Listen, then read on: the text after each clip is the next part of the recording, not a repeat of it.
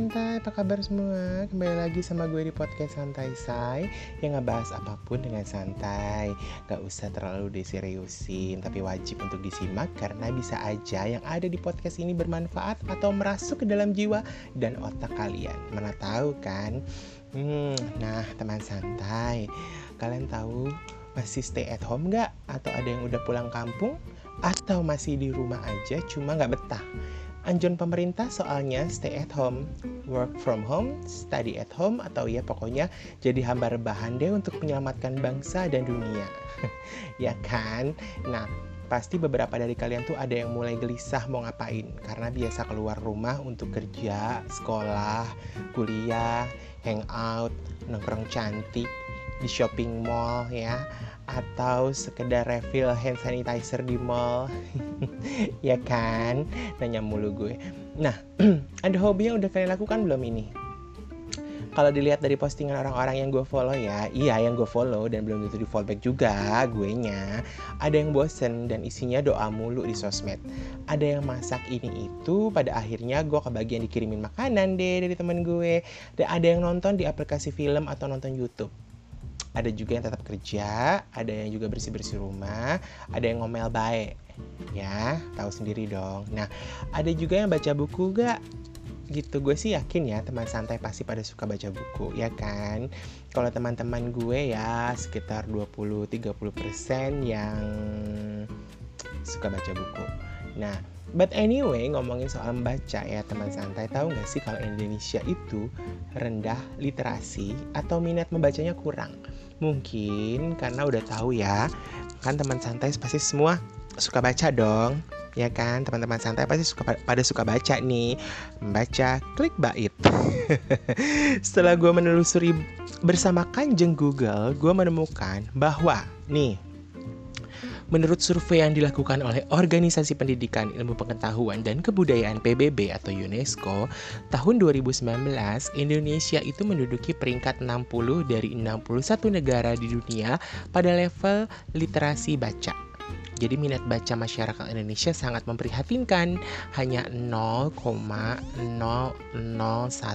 persen aja. Ya, artinya dari seribu orang Indonesia cuma satu orang yang rajin baca. Gimana tuh? Cocokkan bangsa ini? Kita lanjut. Menanggapi hasil survei ini ya, jadi guru besar Universitas Indonesia yaitu Renald Kasali mengatakan survei yang menyatakan minat baca masyarakat Indonesia terendah kedua di dunia masih tergolong angka rata-rata keseluruhan. Jadi pasalnya pada beberapa wilayah di luar Pulau Jawa kecenderungan membaca masyarakat masih sangat rendah. Hal itu disebabkan di antaranya karena minimnya infrastruktur dan sumber daya manusianya.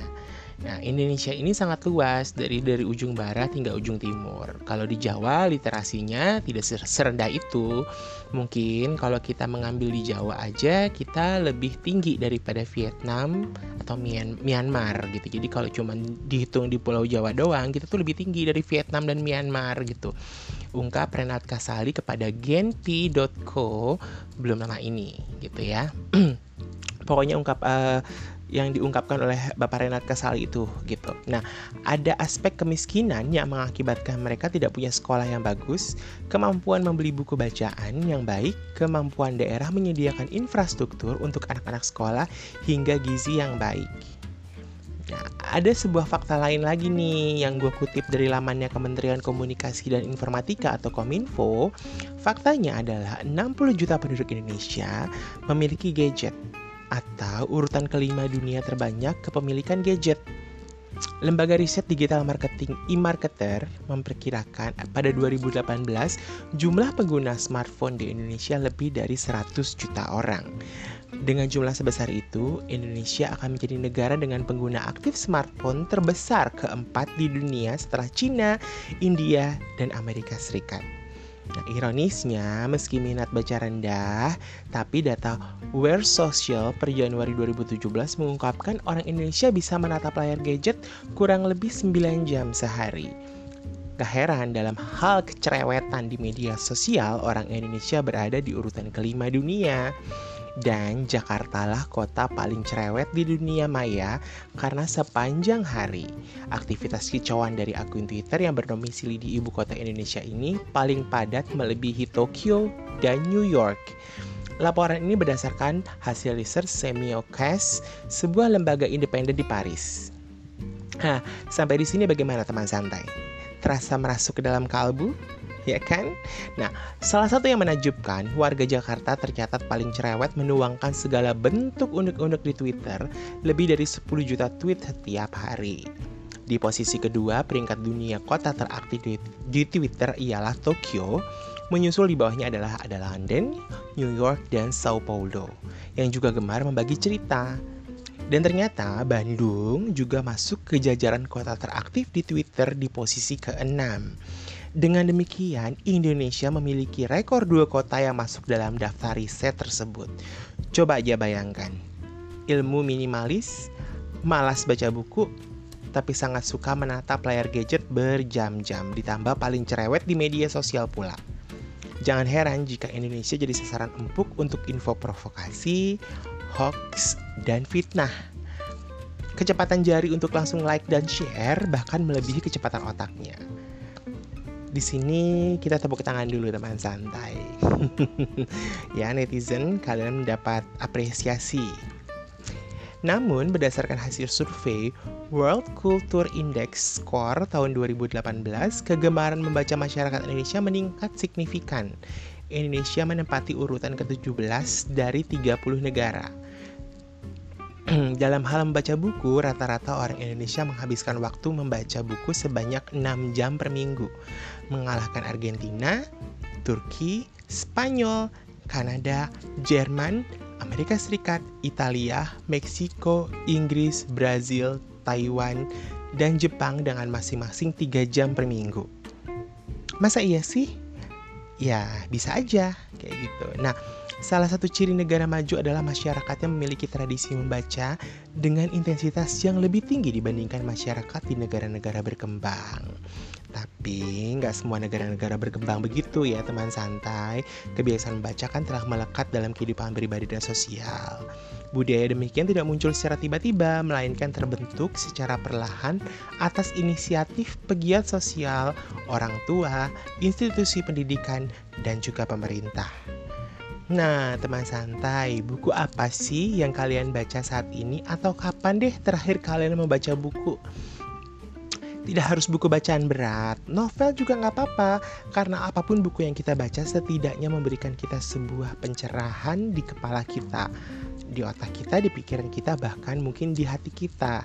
Nah, kalau gue nih teman santai, gue tuh masih membaca buku ya berjudul nih ya. Ada buku yang baru yang masih gue baca, judulnya adalah Enaknya Berdebat dengan Orang Goblok, karya Putut EA. Jadi dulu ini Mas Putut ini salah satu orang di mojok.com lah gitu kalau kalian tahu ya. salah satu situs gitu deh semacam semacam apa namanya uh, situs-situs pemberitaan atau eh, laman-laman yang seperti itu. Nah, ada satu buku yang sebenarnya udah lama gue beli, cuman belum gue baca adalah Becoming dari Michelle Obama. Jadi gue tuh kadang-kadang tuh ke toko buku ya suka main beli buku aja, tapi suka lupa kalau gue tuh masih ada buku yang belum selesai gue baca. Nah, kesukaan membaca buku itu memang udah ditanamkan dari kecil kan sama orang tua gue. Di mana orang tua gue akan lebih memberi restu bila kita anak-anaknya tuh beli buku ketimbang jajan atau beli mainan gitu dan ke bawah sampai sekarang. Gue sih pernah menghabiskan tiga buku dalam seminggu ya dan pernah lupa waktu itu baca buku uh, apa uh, pernah lupa waktu lah istilahnya ketika gue baca buku gitu. Jadi kadang-kadang kalau gue baca buku tuh suka lupa waktu suka lupa ngapa-ngapain gitu. Asik aja sama buku gitu. Nah nikmatnya baca buku tuh ya teman santai adalah ketika gue tuh berpikir untuk menjadi tokoh yang ada dalam buku tersebut jadi gue tuh pernah ya beli bukunya Andi F. Noya ya dan gue berpikir dan membayangkan bahwa gue tuh menjalani masa masa lalunya Andi F. Noya gitu. Jadi gue tuh seperti berada di dalam kehidupannya Andi F. Noya ketika dia masih kecil hingga dia meniti karirnya gitu. Jadi gue tuh kayak membayangkan gue berada bersama dia gitu. Jadi ketika gue baca buku imajinasi gue tuh seperti itu. Nah atau ketika gue baca novel gue tuh selalu merasa berpikir bahwa gue itu adalah si tokoh utama dalam novel tersebut. Dan imajinasi gue nih gue bisa sangat liar ketika membaca novel jadi gue suka banget membaca buku selain novel ya, entah biografi atau kumpulan cerpen atau prosa. Jadi nih ya teman santai kan dulu tahu kan ada film judulnya Filosofi Kopi. Nah, Filosofi Kopi itu kan diangkat dari buku karya Dewi Lestari. Nah, filosofi kopi, uh, filosofi kopi itu ketika belum kepikiran dibikin film tuh, gue udah punya bukunya, jadi gue udah baca. Sebenarnya buku filosofi kopi itu adalah kumpulan cerpen dan beberapa prosa yang uh, ditulis oleh Dewi Lestari dan di, di, di, disatukan dalam satu buku yang berjudul adalah Filosofi Kopi. Jadi kisah dalam film Filosofi Kopi itu memang ada dalam buku itu gitu. Salah satunya adalah itu dan uh, dia merupakan cerita pendek sih sebenarnya nggak yang novel panjang banget gitu gitu nggak tapi memang ada satu cerpen yang sebenarnya nggak dibilang dibilang pendek banget enggak tapi dibilang panjang seperti novel pun enggak tapi dia cukup ceritanya itu cukup cukup uh, padat jadi uh, tidak terlalu panjang gitu.